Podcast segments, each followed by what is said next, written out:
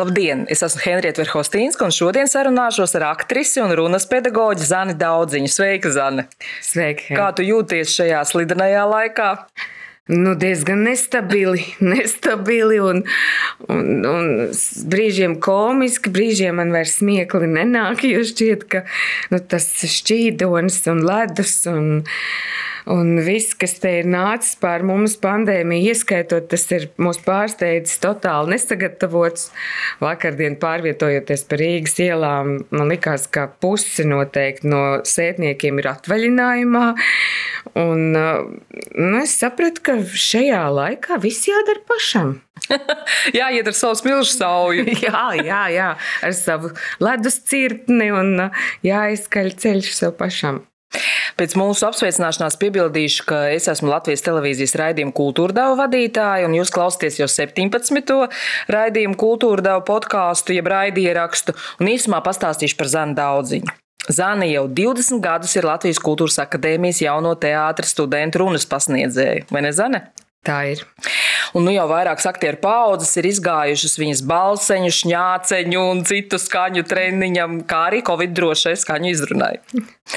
Runu Zane pasniedz arī viesturu mēģināšanu runas skolā, taču jau pirms kļūt par runas pedagoģu Zane jau bija kļuvusi par aktrisi. Viņa studēja vienā kursā ar pašreizējo Valmieras premjeru pāri, Ievu Puķu un Krišjānu Salmiņu, ar dramaturģiju Aivu Birbeli, ar jaunā Rīgas teātra aktrisi Sandru Kļaviņu, dēls teātra aktieru Dainu Gaideli un vēl un vēl.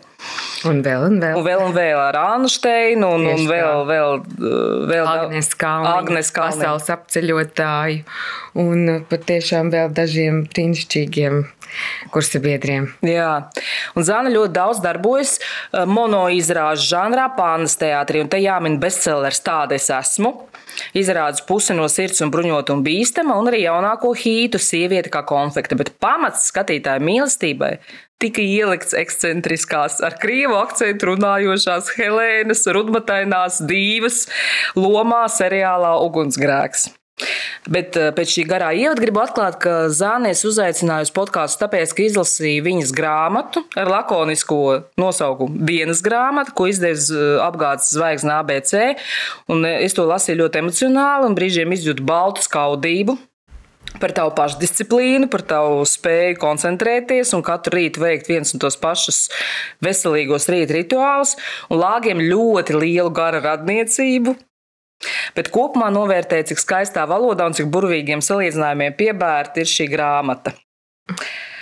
Dienas grāmata aptver gadu, kas ir principā pirmais pandēmijas gads. Kā tu izvēlējies tieši par šo nogriezni? Vispār man neprātā nenāca rakstīt grāmatu.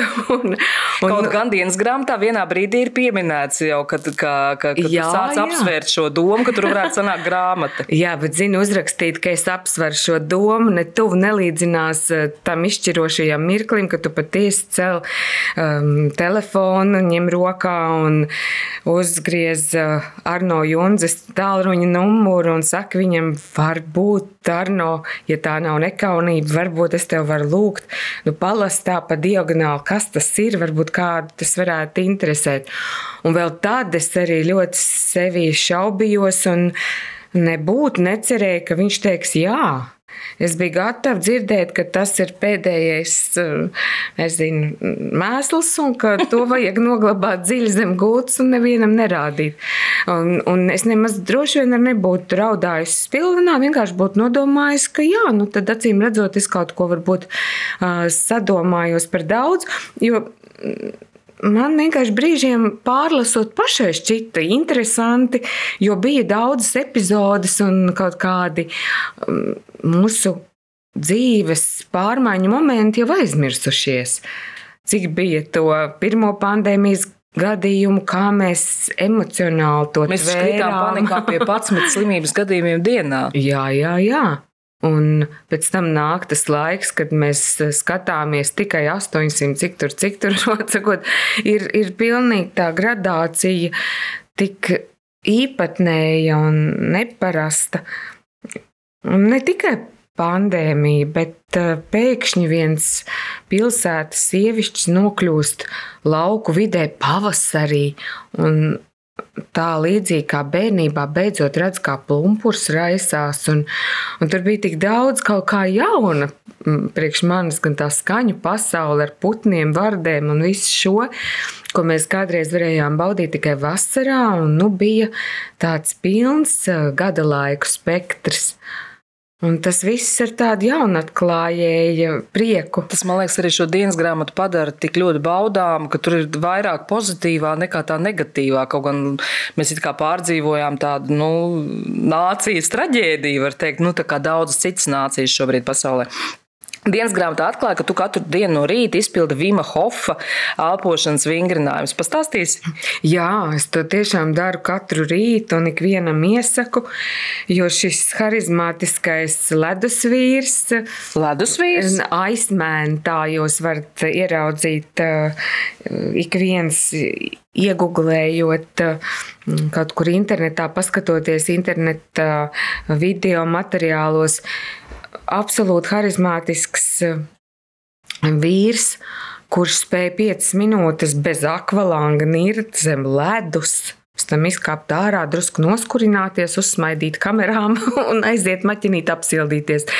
Var sakot, viņš man fascinē ar to pārplūstošo dzīves prieku, ar savām dedzīgajām acīm, ar savu kaismīgo vēlmi pierādīt, ka viņš patiesi ir atklājis paņēmienu, kā ietekmēt centrālo nervu sistēmu, ka tas ir ne tikai viņam, kā tādam pilnīgi unikālam dabas fenomenam, iespējams, bet ik vienam, kurš to metodu piekopja.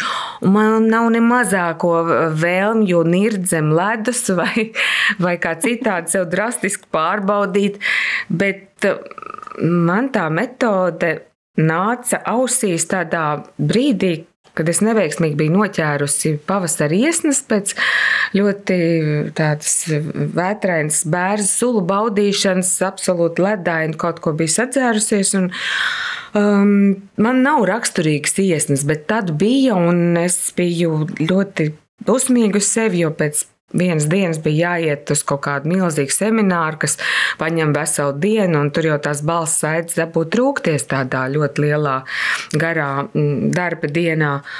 Un es biju nelaimīga, ko lai tagad dara.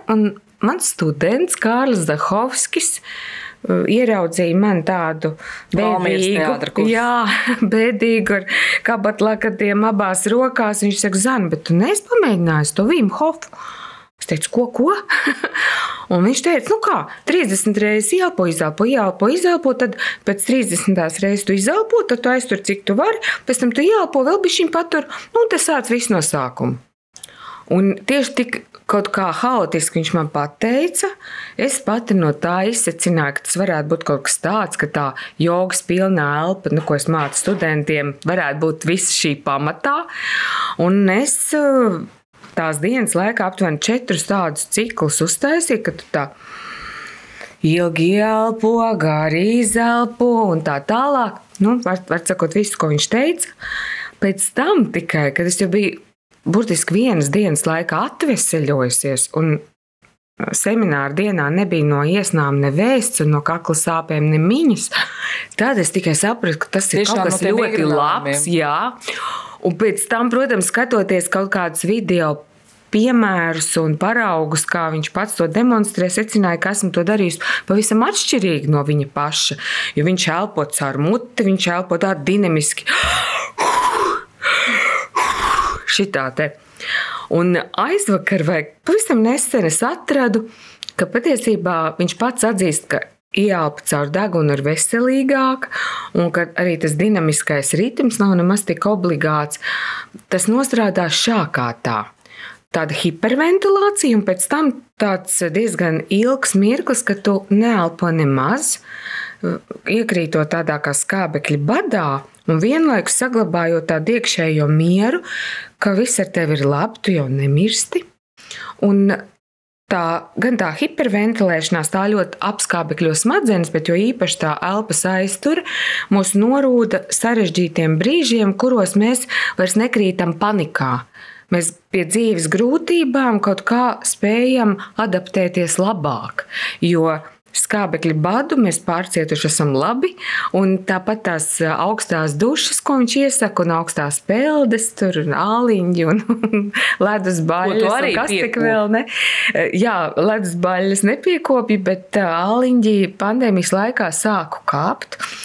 Un secināju, ka tas ir vienkārši debesšķīgs kaut kas, jo absolūti pavelti tu izkāpjot no tā āliņa, pēkšņi esi jauns, vitāls, priecīgs cilvēks, endorfīns saražojas eh, paši no sevis, un tev nav jāiztērē ne santīms, lai tu būtu laimīgs cilvēks, daudz jaunāks justos. Nu, tad, tad, protams, ka tas raisa atkarību. Kā tu izkopi tos savus rīta rituālus? Tur ir vēl ledus kubiciņa, šī pati pelda piemājas dīķi, citronu ūdens. Un vienmēr eh, rūpīgi katru dienu to ar tiem sāc. Kā, kā tu nonāci tieši pie šī? Mm, nu es esmu no visa, ko mēģinājusi, atstājusi to, kas man vislabāk patīk un kas visvairāk kaut kā jūtami man dara.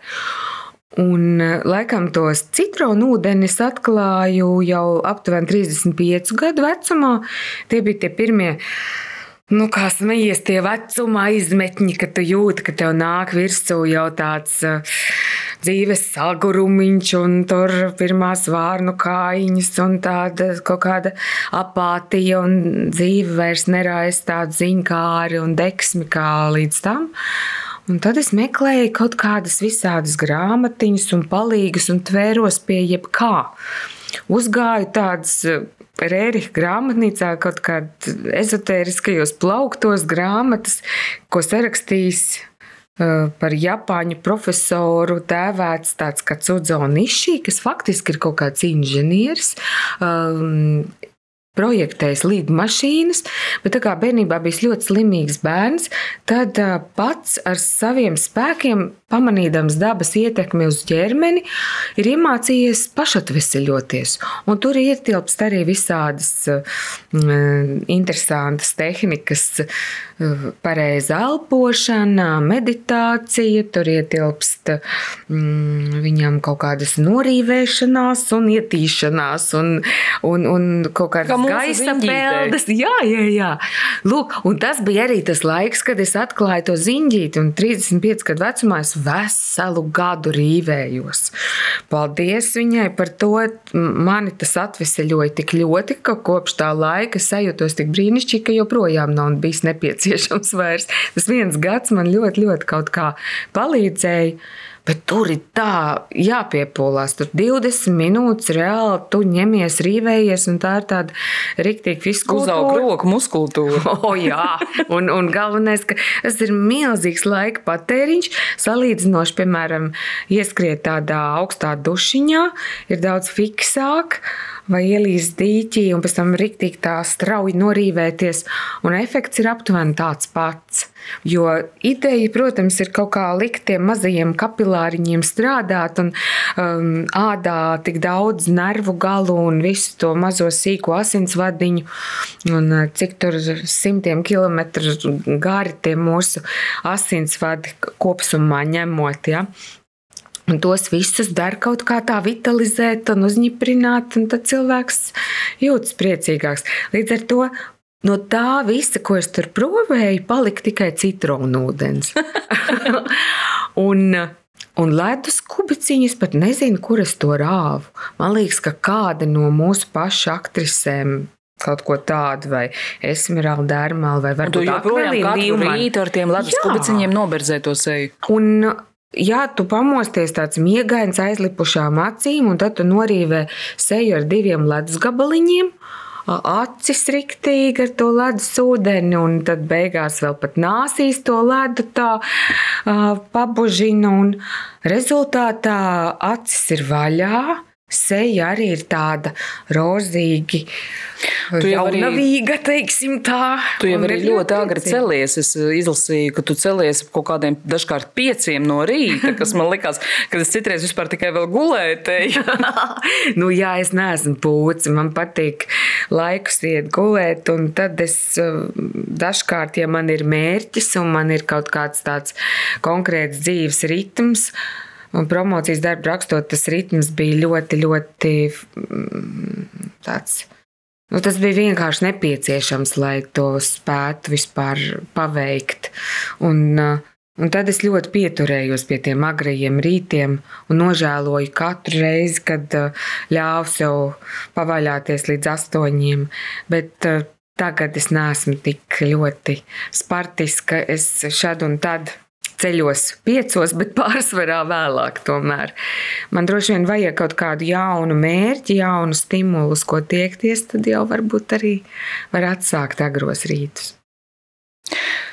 Grupai astronauti ir tāda dziesma, multivitamīnu multipaka. Es dzirdējusi multivitamīnu multipaka. Un tā ir par sievieti, kas, eh, kurai vajag tikai vienu multivitamīnu multipaku, lai viņa varētu visu pati. Un tad viņa dzied, kad ir par daudz, par daudz, tad vajag izslēgt gaismu, izlikties, neviens nav mājās. Un Dienas grāmatā var lasīt, ka tu kāp uz tiem grābekļiem, uz kuriem kāpj, manuprāt, daudzas mūsu paudzes sievietes. Proti, uz tā, tāda grābekļa, ka mēs uzņemamies par daudz, ka mēs par daudz strādājam. Un tev arī darbs dzēna darbu, un tev ir runas pedagoģis darbs kultūras akadēmijā un mēģināšana runas skolā, un tu esi aktrise, kas nozīmē gan mēģinājumus, gan izrādes. Tad vēl tūkstošiem mazu pienākumu, kas, eh, ko uzliek Tāda cilvēka kā es, kas te uzaicina, piemēram, uz interviju, un tad vēl tur rakstīja promocijas darbu, un ko tas nozīmē. Es atceros no sava maģistra darba. Mm. Tas ir nu, tāds, kā? Kā tu to visu jaudāji? Tas ir pateicoties šiem rituāliem, ko mēs minējām. Lielā mērā jā, bet uh, vēl lielāka pateicība apstākļu sakritībai. Ja nebūtu nākušas mājasēdes un piespiedu dīkstāvis, tad es droši vien nebūtu uzrakstījusi to promocijas darbu joprojām. Vai ja būtu uzrakstījusi, tad tas būtu tāds plānāks, konspektīvāks, netik pamatīgs pētījums, kāds tas tagad ir. Jo Patiesi tur ir kaut kādas 178 lapuses pamatteksta un vēl pāri par 60, kāds 68 šķiet bija tas apjomīgais pielikums, intervijas ar visādiem interesantiem nozars profesionāļiem. Un nu, kopā ņemot tāds patiešām solīts apjoms ir izveidojies. Beigās bija gandrīz par daudz un nācās ņemt kaut kādus gabalus ārā. Tu rakstīji par runas mākslu. Es runāju, jā, es rakstīju par aktieru runu 21. gadsimta latviešu teātrī. Ar vārdu sakot, es rakstīju par mūsdienām un ko mūsdienas un mūsu jaunais laiks ar visām tehnoloģijām, kāds tas ir kļuvis dinamisks, ātrs, neparedzams, fragmentēts, kā tas ir ietekmējis aktieru runu teātrī. Par to parunāsim mazliet vēlāk, bet uh, atgriežoties pie taviem ieradumiem, tev izdevās, neraugoties uz mani tik mīļo un pazīstamo prokrastināciju, kur arī sastopama tavas dienas grāmatas lapusēs, tev tomēr izdevās to promocijas darbu rakstīšanu padarīt par tādu obligātu ieradumu. Es vairs neatceros, kurš no tiem rakstniekiem bija, kuram obligāti vajadzēja uzrakstīt desmit lapus dienā, bet tu kaut kā arī līdzīgi pēc tā tiecies. Uh, vai tagad tu jau esi doktore? Man ir aizstāvēšanās 2022. gada 11. martā. À, tad jau vēl laiciņš ir. Jā. Bet pēc tam tu būsi doktore. Nu, jāizstāvēsies. Nu, jāizstāvēšos, ja, ja pēkšņi šķitīs kādam, ka tas nekas tāds sevišķs nav, tad vienalga es nemetīšu plinti krūmā. Es noteikti vēlos to rakstu darbu kaut kur publicēt, tāpēc ka man šķiet, ka būtu interesanti palasīt ne tikai tiem, kas eh, ir visā procesā iekšā, bet arī tādiem kaislīgiem teātrāļiem, kas ir Gluži vienkārši ļoti dedzīgi teātris skatītāji. Viņiem būtu interesanti redzēt no iekšpuses, kā tas eh, viss eh, veidojas un kāpēc ir tā, kā ir. Tomēr es joprojām eh, par tiem ieradumiem. Mēs eh, pie manas kultūrdevā viesojās tava laba paziņa Ieva Parša. Mm -hmm. Un diriģents Andris Veismans. Viņi mums stāstīja par Marģera Zariņu disku, bet es viņiem uzdevu arī jautājumu par to, cik klausīta ir klasiskā mūzika, un lūk, ko viņi atbildēja. Klasisko mūziku nereti mēdz uh, dēvēt par elitāru mūziku, ja runa par tādām klas, klausītāju masām, bet man pieredze liecina, ka klasisko mūziku aizvien vairāk klausās jaunieši, kas nav tiešā veidā saistīti ar klasisko mūziku. Kādi ir tavi novērojumi šeit? Man šeit ir nācies piedalīties skaņu mežā, dziedot um, visādas ļoti modernas partitūras. Ļoti avangardisti. Jā, un, un es jūtu to jaunās paaudzes interesi par to ļoti daudz. Un tiešām cilvēki nāk arī, es domāju, pilnīgi nezinādami. Viņi paļaujas vai uz, teiksim, skaņu meža izvēli vai uz kaut kādu man grūti pateikt, bet viņi ir ieinteresēti ļoti. Es domāju, ka mūzika kopumā cieš no tā, ka ir ļoti liela pieejamība, jebkas ir pieejams, jebko var noklausīties. Viss tā populārā mūzika, kas ir klasiskā, viņi pa daudz. Viņas pa daudz ir, jā.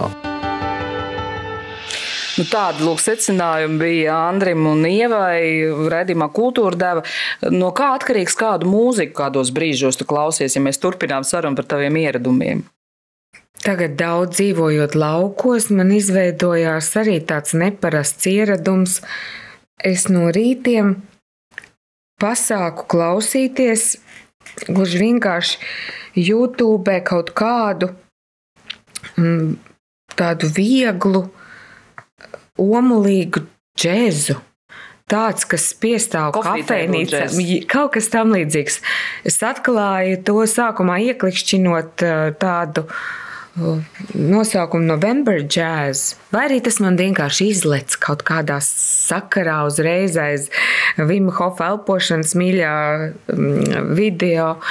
Un Tad vienreiz tādu paklausoties, es iekļuvu tādā kā atkarībā. Tur ir visādi bossa nova un kaut kādi tur kofija time un, un, un, un tādi visādi uh, džeziņi un tāda vi viegla. Plink, plink, tāda mūzika.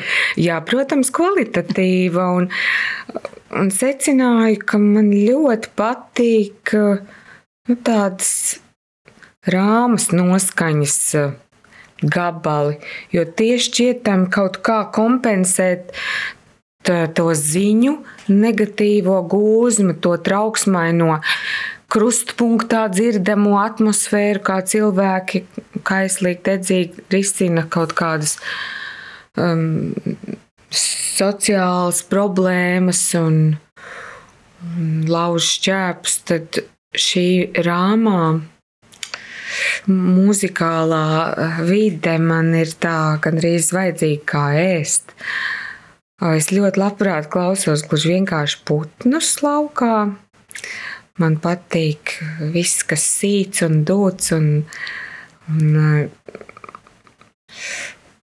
tad man ir viens disks mašīnā, kuras klausos Aivara Hermaņa Liepājas uh, ielu to disku no sākuma uz beigām, un atkal no sākuma uz beigām. Un tā viņš jau man kādus piecus gadus tur stāv, vai četrus vismaz, un, un visu laiku iet uz riņķi, ko līdz es esmu pārgurus un braucu no kaut kāda darba.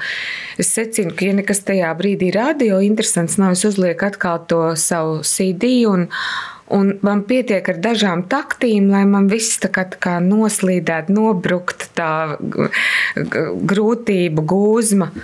Un es atkal esmu tāds priecīgs, laimīgs cilvēks. Cik maz man vajag? man vajag patiešām ļoti maz. Bet mēs sākam runāt arī par to promocijas darbu. Kāda ir tava galvenā secinājuma? Kā tā skatuves runa ir mainījusies no brīža, kad to profesionalizēja pirmo reizi? Nu, pieņemsim, ka tas ir 19. gadsimta beigas, ja? līdz, līdz šodienai. Kas tad ir tās galvenās izmaiņas, kas ir sekojušas skatuves runai? Galvenās izmaiņas ir tādas, ka ir mainījusies teksta loma izrādēs. Ja sākotnēji teksts bija tas kungs un karalis, un tam tika pakārtots viss, un galvenais bija decenti sūtīt un atnest teksta jēgu. Un visādos veidos aizskanēt līdz pēdējai rindai, lai visiem viss ir saprotams un uztverams. Tad uh, nāca laiks ar Gratovski un Eugēniju Barbu, kur jau um, radās citas idejas eksperimentālajos teātros, ka, ka ir jāst, jāatstāj kaut kāds noslēpums, ka 15% vismaz vai pat trešā daļa skatītājiem arī nemaz nav jāsaprot, lai paliek kaut kas, ko viņš atmin un mēģina uztvert, nesaprastams nemaz to aktieru artikulāciju. Un tad nāca kaut kāda tā kino mode, kur mums gribas precīzi dokumentalitāti uz skatuves. Un jaunā paudze pieraduši pie visādiem realitātes šoviem un pie ļoti laba ārzemju kino ar ideāliem aktieru darbiem. Bet tā ir, protams, kino aktieru spēle, un viņi to gaida teātrī uz skatuves. Ik viens aktieris, kurš decentāk un mm, prononcētāk, kā saka vecie pedagogi, tā kā pasvītrot, izrunāti, pasniedz tekstu, viņiem šķiet samākslots un falšs un mm, slikts aktieris. Savukārt, um, vecākās paudzes cilvēki, kuri mīl operu, kuriem gribas mm, veco, klasisko, mm, tradicionālo teātri, viņi ir nelaimīgi no šīs jaunās modes un visu laiku gaida, ka uh, jaunos aktierus arī varēs dzirdēt tikpat decenti un, un, un skanīgi, kā skan mm, Uldis Dumpis. Un neko taču nevar saprast, ko viņi runā. Jā, jā, jā tieši tā. Un, uh, Faktiski mans uh, promocijas darbs varētu būt ar tādu apakšvirsrakstu, bet kāpēc dumpi var dzirdēt? Tu pat iedomāties, nevar Henrieta, cik es savā pedagoga praksē esmu daudzas reizes eh, saskārusies tieši ar šo teikumu. Jo Ulris Dumpis tiek uztvērts kā tāds absolūts etalons šajā ziņā. Un, Kaut un tad viņš nāk jau no tās jaunušāna patiesības skolas, kas nebūtu nav tik teatrāla un izspīlēta. Viņš Nē, ir tās tuvu jau tai dokumentālajai īstenībai patiesībā. Jā, bet visu laiku tomēr ar to sūtījumu un ar adresātu, kas ir skatītājs. Un tad es visu laiku domāju par to, ka cik tas ir nekorekti salīdzināt mūsu metru, mūsu uh, spožāko, vienu no vis, visspilgtākajām teātris zvaigznēm, ar ikvienu jauno aktieri, kurš tikai spēr pirmos soļus uz dēļiem. Četru gadu laikā es varu likt roku uz sirds, viņi iemācās atvērt balsi, viņi spēja skanēt spēcīgi un, un tālu. Bet tad, kad viņi atnāk uz teātri, tad uh, vienu brīdi viņi spēlē kameras zālē, bez mikrofona. Vakarā viņi spēlē varbūt uh, lielajā zālē ar mikrofonu, tad no rīta viņam ir mēģinājums mazajā zālē ar mikrofonu, bet uh, pa dienu atkal kameras zāle bez mikrofona un tādā garā, un pa vidu vēl kaut kādas filmēšanās. Visu laiku ir jāpielāgojas, jāadaptējas. Un Tā ir cita adaptēšanās nekā Uldim Dumpim, kurš ir 50 un vairāk gadus sūtījis uz otro balkonu savu balsi, un kuram tā ir vienkārši tāda pamat um, eksistences forma, decents, skaidrs sūtījums. Te um, visu laiku ir izvēle starp psiholoģisko realismu un dokumentalitāti un tādu skaidrību, skanīgumu. Tā ir milzīga dilemma. Mainījies ir ne tikai teātris, mainījies arī teātris skatītājs. Ja agrāk viss sanāca zālē, pusstundu pirms izrādes iepazinās ar programmas saturu, un tajā brīdī, kad dzisa gaisma, vienkārši pamira. Tādās klusās gaidās, tūlīt vērsies priekškars, un tagad galvenais nepalaist neko garām. Un šobrīd jau Teātris skatītāji ir daudz brīvāki, ļoti daudz izturas teātrī kā savā dīvānā pie televizora. Un, un Čeko ne... telefonu. Jā, un nemaz neaizdomājas, ka um, tā telefona gaismiņa traucē blakus sēdētājiem, nemaz nerunājot par to, ka arī aktieri no skatuves taču redz katru to izgaismoto laukumiņu.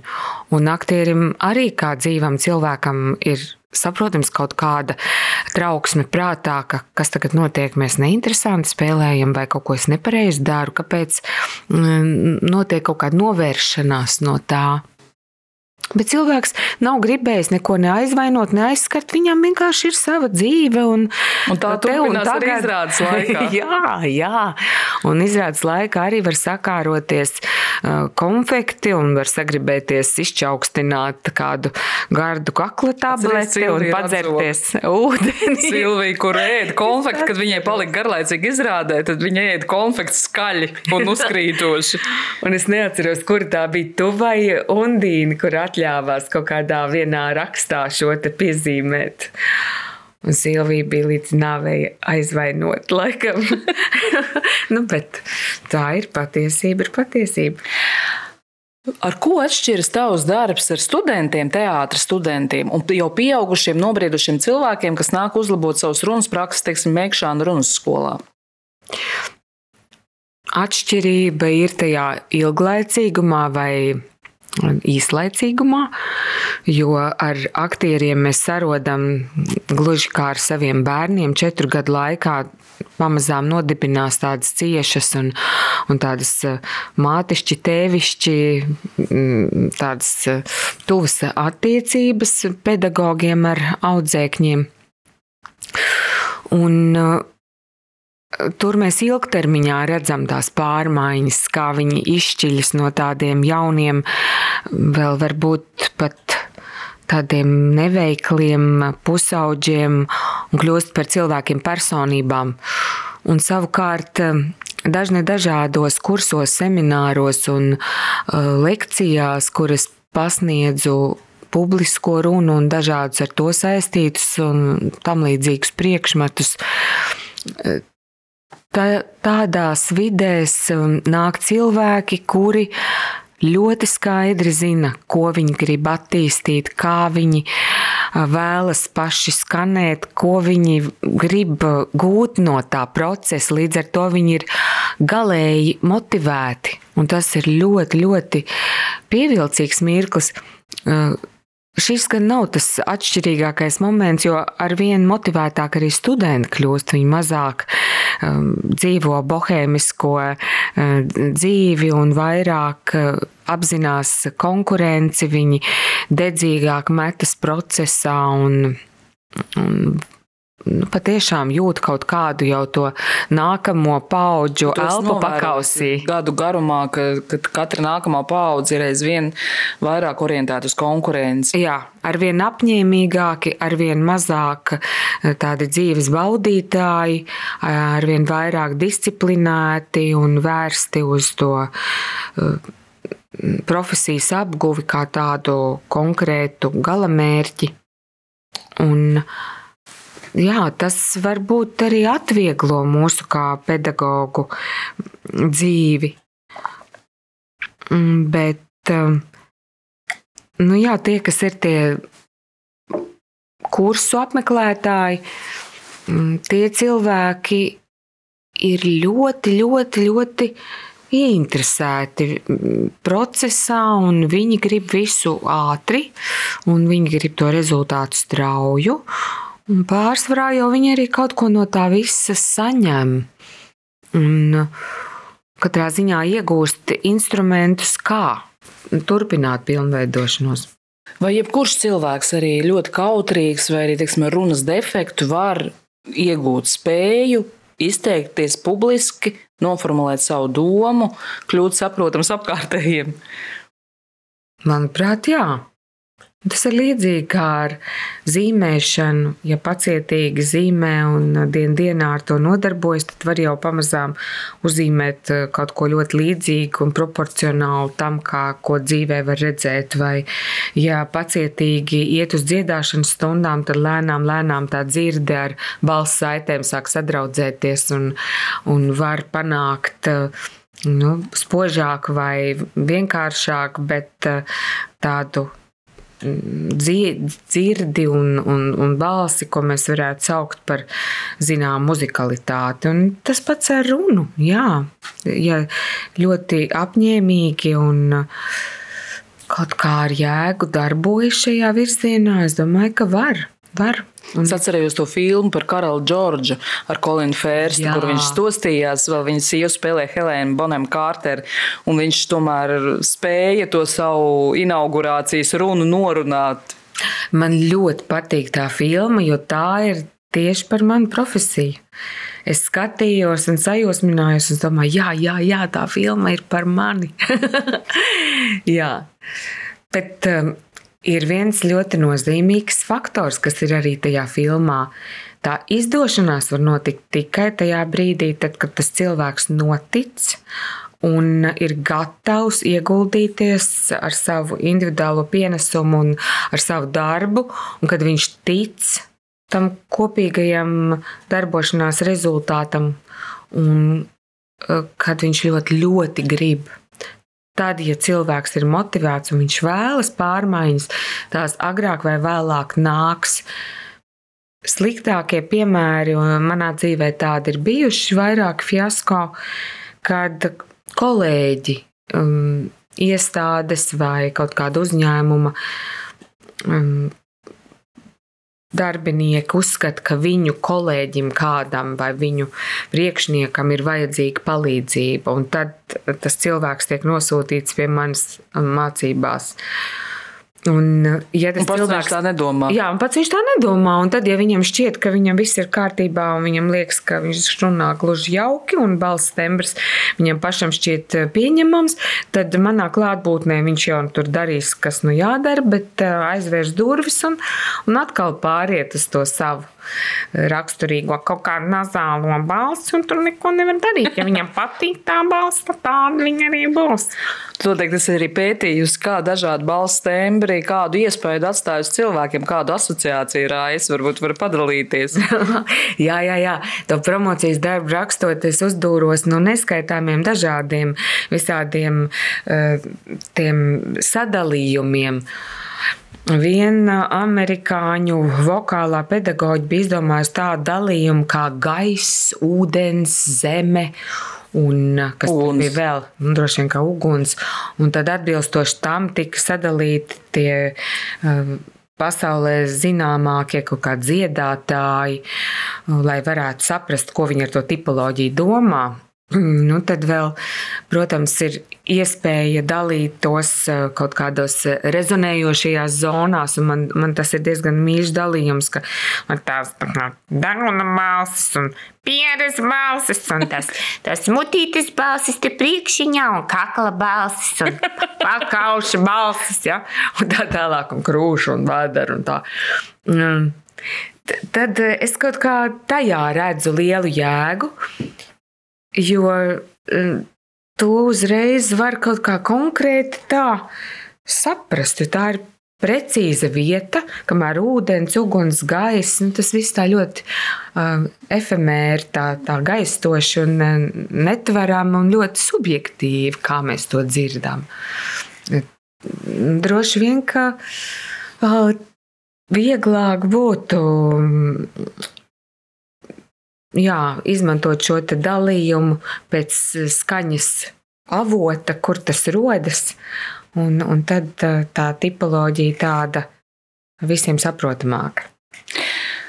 Savā dienas grāmatā tur arī atklāja, ka ļoti iedvesmojies no skatītājiem savu mono izrāžu laikā, kad, kad tie tevi uzlādē un kad tu pēc tam esi gatavs strādāt ar studentiem nedēļu no vietas, ja ir bijusi veiksmīga izrāde. Jā, jā, tā ir.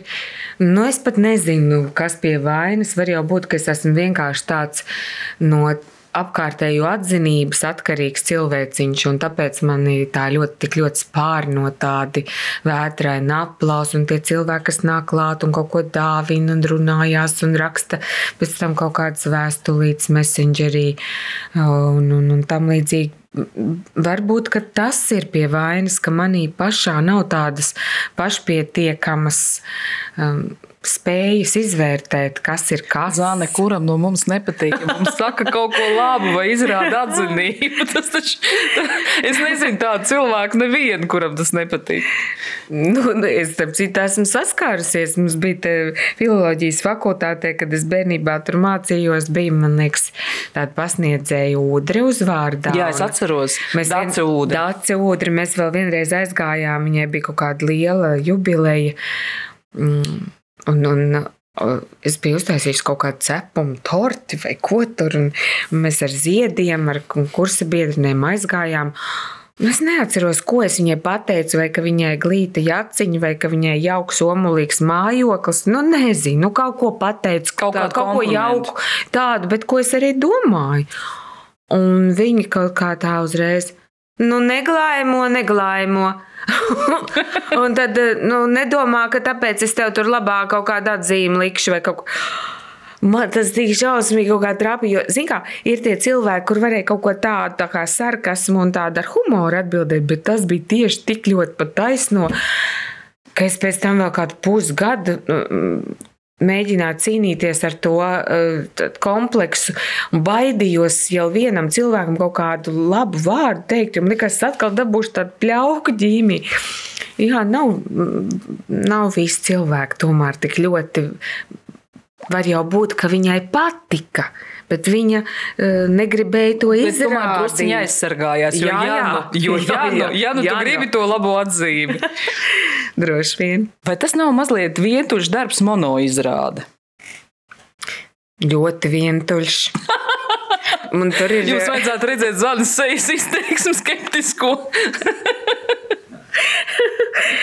Nē, pat, patiešām ir ļoti, ļoti vientulīgs, bet es vispār esmu sapratusi, ka es šajā arī pedagoģa profesijā brīžiem jūtos ļoti, ļoti vientulīgi, jo es visu laiku kaut kur skrienu, defilēju no vienas grupas pie otras grupas, no vienas monoizrādes uz otru monoizrādi. Un, un, Nav tā ciešā kaut kāda kolektīva, ar ko tu esi saudzis. Man tāpēc ļoti pietrūkst tas ugunsgrēks, jo tur mēs bijām tā filmēšanas grupa, tik ļoti viens ar otru saratuši. Tur bija tā kā tādā ģimenē, citu, citu ļoti mīl, atbalsta un visādi um, lolo. Un, Un pie tiem cilvēkiem gribējās iet un būt, un uh, tur tu jūties pieņemts, akceptēts, un jūs darāt kopīgu lietu, kas visiem šķiet tāda feina, azartiska un, un jā, tās izrādes arī ir eh, savā ziņā ļoti vientulīgas. Bet tur ir savs labums, tāpēc ka visi zied un aplausi arī tiek, tiek tev, tev. vienam. Es tieši domāju, ka tā ir milzīga drosme, ka tu viena iznēc pie skatītājiem. Viena, tev nav viena partneris, kur paslēpties, kurš tev varētu izručīt. Tad, jā. kad tev kaut kā nu, sajiet štoterī kaut kas vai, jā, jā, jā. vai notiek kaut kāda cita ķibele, un, un tu principā vienai tev jāpaņem tie skatītāji. Nu jā, Bet reizē tā empiriskā pieredze rāda to, ka neviens arī tev nevar izčakarēt. Var sakot, nevar kaut kas notikt, piemēram, tāds, kā mēs spēlējām gribu bērnu vienā izbraukuma izrādē, un Maijai Doveikai izkrīt baterijas no viņas mikrofona, viņa paliek vispār bez skaņas. Un viņi skrien no skatuves, likt tās baterijas iekšā, un tu vienkārši paliec uz skatuves viens, bez teksta. Bet tev jābūt dialogam. Tev, tev jābūt dialogā, viņa tā dialoga partneri nav, un tu vienkārši izmisīgi improvizē kaut un ko. Ko tu darīji? Ko tu darīji? Es atceros, ka es kaut kādā veidā aizpildīju laiku, jo faktiski mums pie Jura Rīnieka mācoties tajā kursā, kur mums ļoti bija modē visādi kā pusņi, mūziķi un dažādi improvizācijas teātris elementi, zupas teātris elementi un tādas dažādas eh, spontānas teātris sportu tehnikas. Mēs bijām diezgan labi trenēti uz to, un vēl kaut kāda agrīnās jaunības pieredze eh, pie mm, Rolanda Zagorska politiskajā teātrī kur reizēm viss bija brīnišķīgi, un cilvēki smējās kā traki, un reizēm vienkārši uh, Zagorskim bija jāiet pie tiem nabaga dažiem cilvēkiem, kas bija atnākuši un nesmējās klāt un skaidrot, ka nu, tāda ir tā redzēt improvizācijas daba. Reizēm var sanākt, reizēm nesanāk, un par to, diemžēl, ir arī jāmaksā tur tie, tā biļete. Tik pazemojošs šausmas kaut kāds. Bet, nu jā, līdz ar to mēs diezgan labi iemanījāmies kaut kā aizpildīt ēteru, neizsitoties no līdzsvara. Bet skaidrs, ka daži labi sirmu matu arī tā var dabūt tādā spriedzē. Un tad, nu, ja tu esi viens, tad tu negaidi nekādu palīdzību no malas. Tu gluži vienkārši rēķinies tikai pats ar to savu computeru, nosacīti jā, ar savu smadzeņu kapacitāti un nu, mēģini darīt to labāko. Tavs varonis vienmēr, nu, protams, kas ir loģiski, tavs varonis vienmēr ir sievietes. Un tā ir sieviete, kas ļoti mēģina tikt galā ar savu dzīvi, ar attiecībām ar vīriešiem, ar bērniem, ar ģimeni. Nu, tāda normāla mūsdienu sieviete. Nu, tā tā Aiva Birbēla mums tādas lūgas raksta, jā. Bet tu esi kaut ko vairāk sapratusi par, par, par sievišķo un vīrišķo spēlējot šajās izrādēs. Kaut ko ļoti nozīmīgi mēs abi ar Juri sapratām, iestudējot pirmo uh, aivas, to ļoti sarkastisko un spridzīgo lūgu tādu esmu. Mm, Jo bija grūti par visiem tiem celulītiem. Likās, ko var ņemties. Nu, nu, nu, ir un ir tur kaut kas, nu, bet vai tāpēc tik dziļā kaut kādā jākrīt izmisumā. tādā izmisumā un mocībās un kaut kādā tur pašterapijā. Un tad mēs ieraudzījām abi vienā mēģinājumā, ka kaut kur tuvu pie lūgas fināla ir tāds teksts, ka ka vajag mīlēt, un tad visi arī tevi mīlēs. Ka, man sakot, tev ir jābūt tādai, kā tu esi, bet ir jāmīl. Tev jāmīl citi cilvēki, jāmīl pasauli, jāmīl sevi. Uh, arī sevi tajā pasaulē, un tad pēkšņi uh, tā dzīve arī uzgriež to gaišo vaigu. Un ko līdz mēs atradām šo maģisko formulu tajā vienā teikumā, ka par to ir visa lūga, viss celulīts, spalvas un krūšu problēmas, un viss salikās savās vietās, un vairs nebija tā derdzīgā kaut kāda pretestība pret to tekstu. Pēkšņi es sapratu šo sievieti. Es pieņēmu, ka jā, tā var būt, ka viņa ar to mokās, bet viss ved uz to, ka viņa atskārtīs pašu svarīgāko. Un tas, ko es stāstu, ir, protams, tādas banālas atziņas, bet viss ģeniālais jau ir vienkārši. Un šī kaut kāda formula, kura ir iekodēta vienā, otrā vai trešā tādā komēdijā, tā padara to visu pasākumu tādu jēgpilnu. Es atceros, ka Kristīna Žēle vienreiz stāstīja, ka viņa brauca uz trolejbusā un redzējusi, kā māte bļauj uz bērnu. Un kad viņa sapratusi tajā brīdī, ka viņa sapratusi tajā brīdī, ka viss nelaimes ceļas no nemīlestības. Un ka tā ir tomēr diezgan liela mūsdienu nelaime. Es pilnīgi varu parakstīties apakšā tam Jā, starp citu, Kristīnai arī burvīga grāmata. Es tieši šobrīd turpinu lasīt Grosvaldu. Jā, jā. Kristīna arī ir bijusi šai podkāstā. Jā, lieliski. Man prieks, lepnums un, un bauda arī lasīt uh, to, ko vi, viņi ir spējusi. Tas ir apbrīnojami. Vēl to vēsturisko mm, sajūtu, atkost un tās visas detaļas tik precīzi noraksturot. Brīnišķīgs darbs. Mm, Par to nemīlestību es arī esmu tieši tādā veidā atskārtus un sapratusi, ka visas nelaimes pasaulē rodas no tā, ka mums ir par maz mīlestības.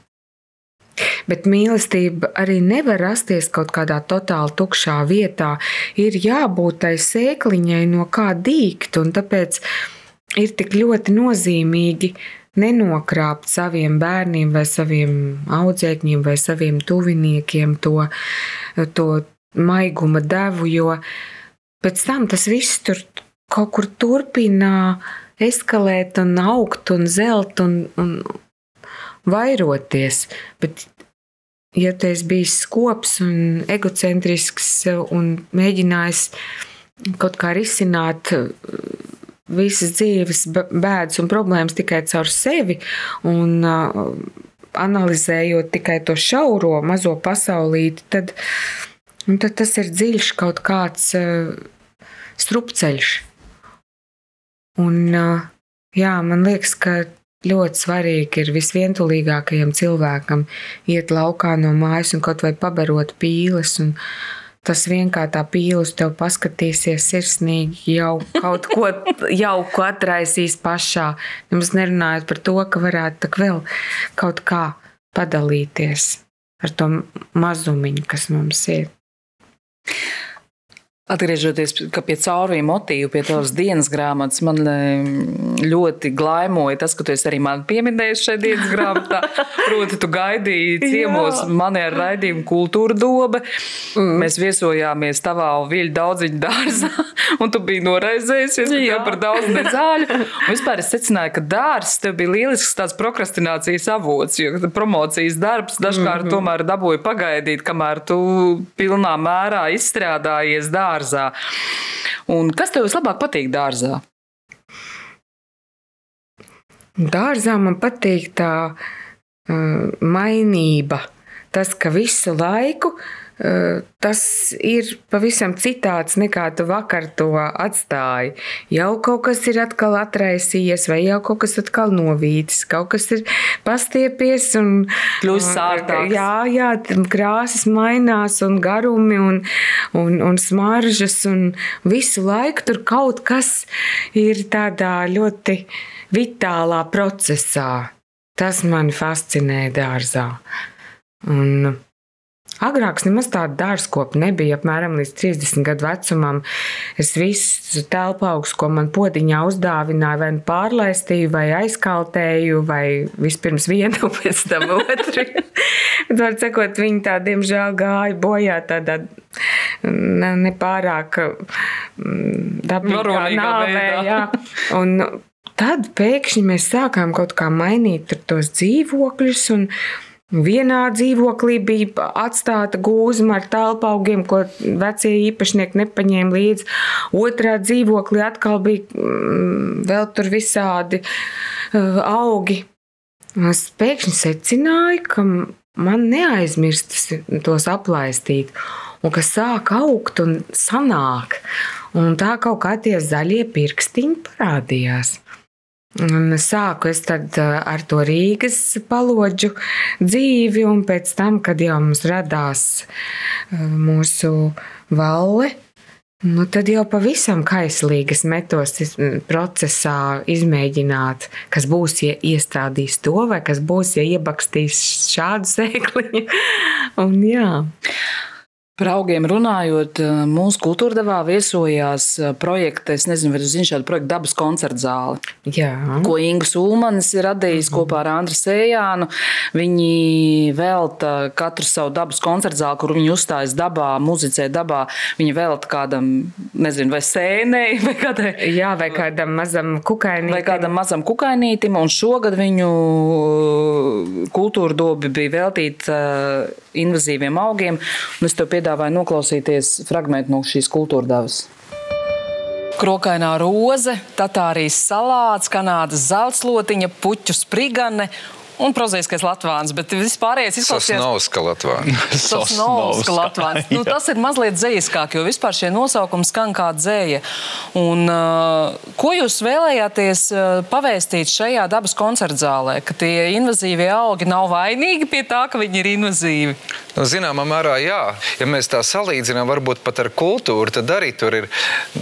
Kultūra arī ir invazīvisms. Viena mūzika pārņem citu mūziku, un mēs jau redzam, kā tas notiek, kā mēs paši esam ietekmējušies, bet reizē arī attīstījušies. Nav tikai tā, ka invazīvisms ir tikai nu, pilnīgi negatīvs. Nu, mm. Kaut kādā veidā jau tas arī attīst.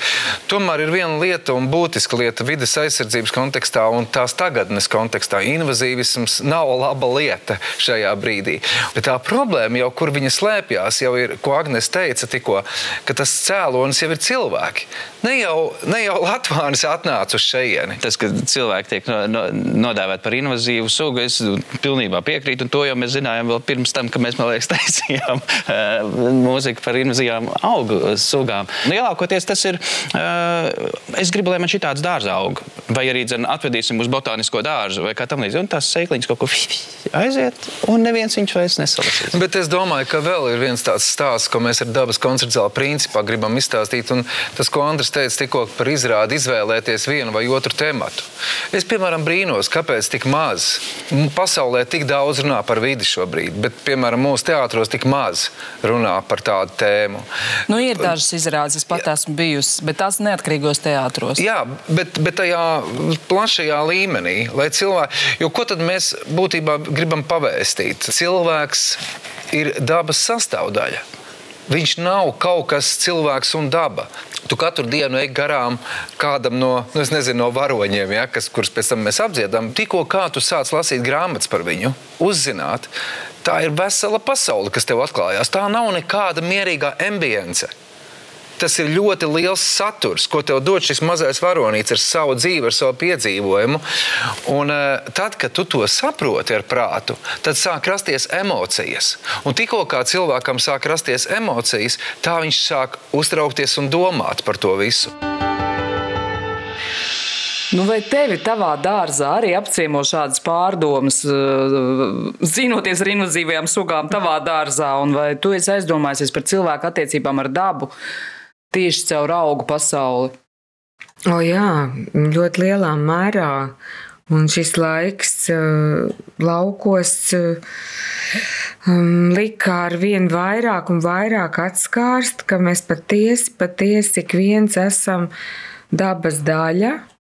Un jo vairāk mēs esam dabas daļa apzināti, jo vairāk mēs esam gatavi tajā dabā izšķīst un kaut kā savienoties ar to, jo mēs esam laimīgāki un mēs esam tajā jūtamies arī vajadzīgi. Mēs pilsētā, nu, vismaz ne, nevar teikt mēs, bet es teikšu es Es pilsētā arvien biežāk jūtos pazaudējusies, vai izkaisījusies, vai uh, kaut kā sadrupusi gabaliņos. Un, un, Stresēnāk noteikti. Jā, droši vien.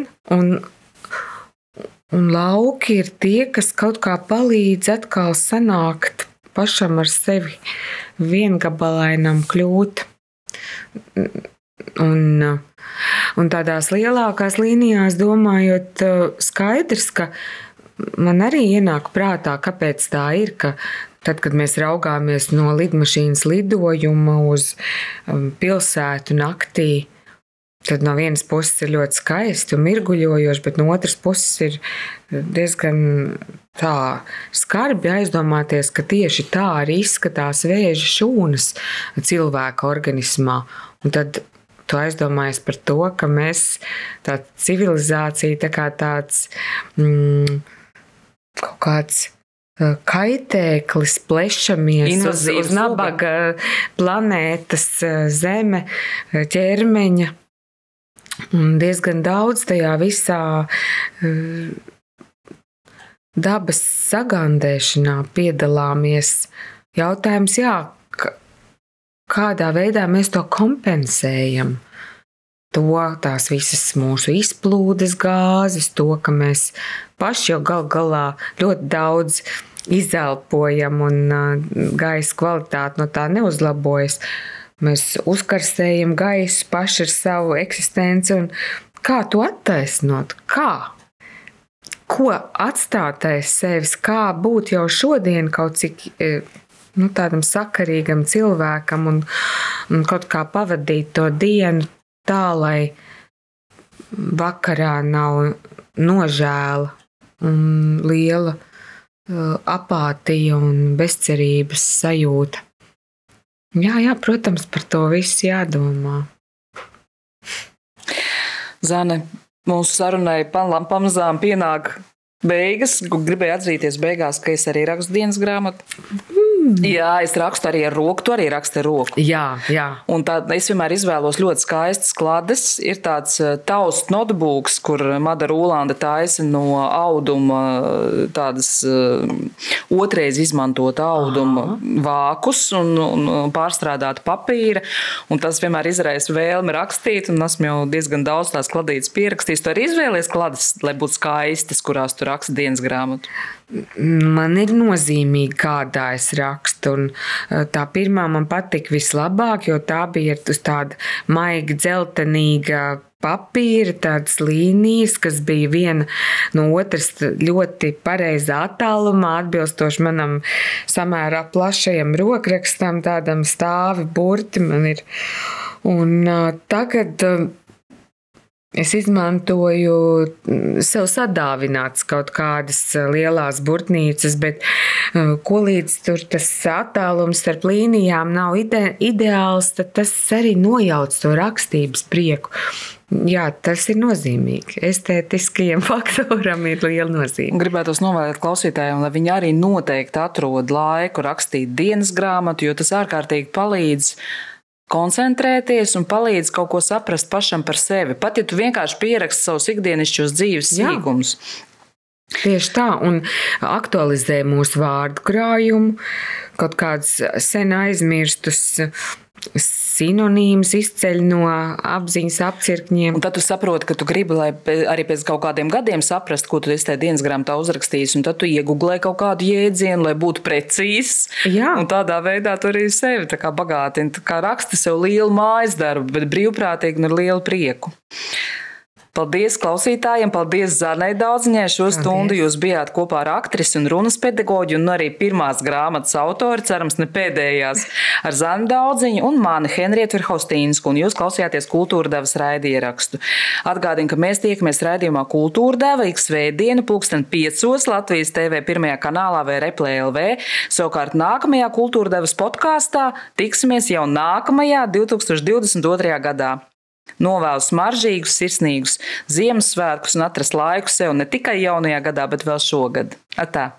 Atā.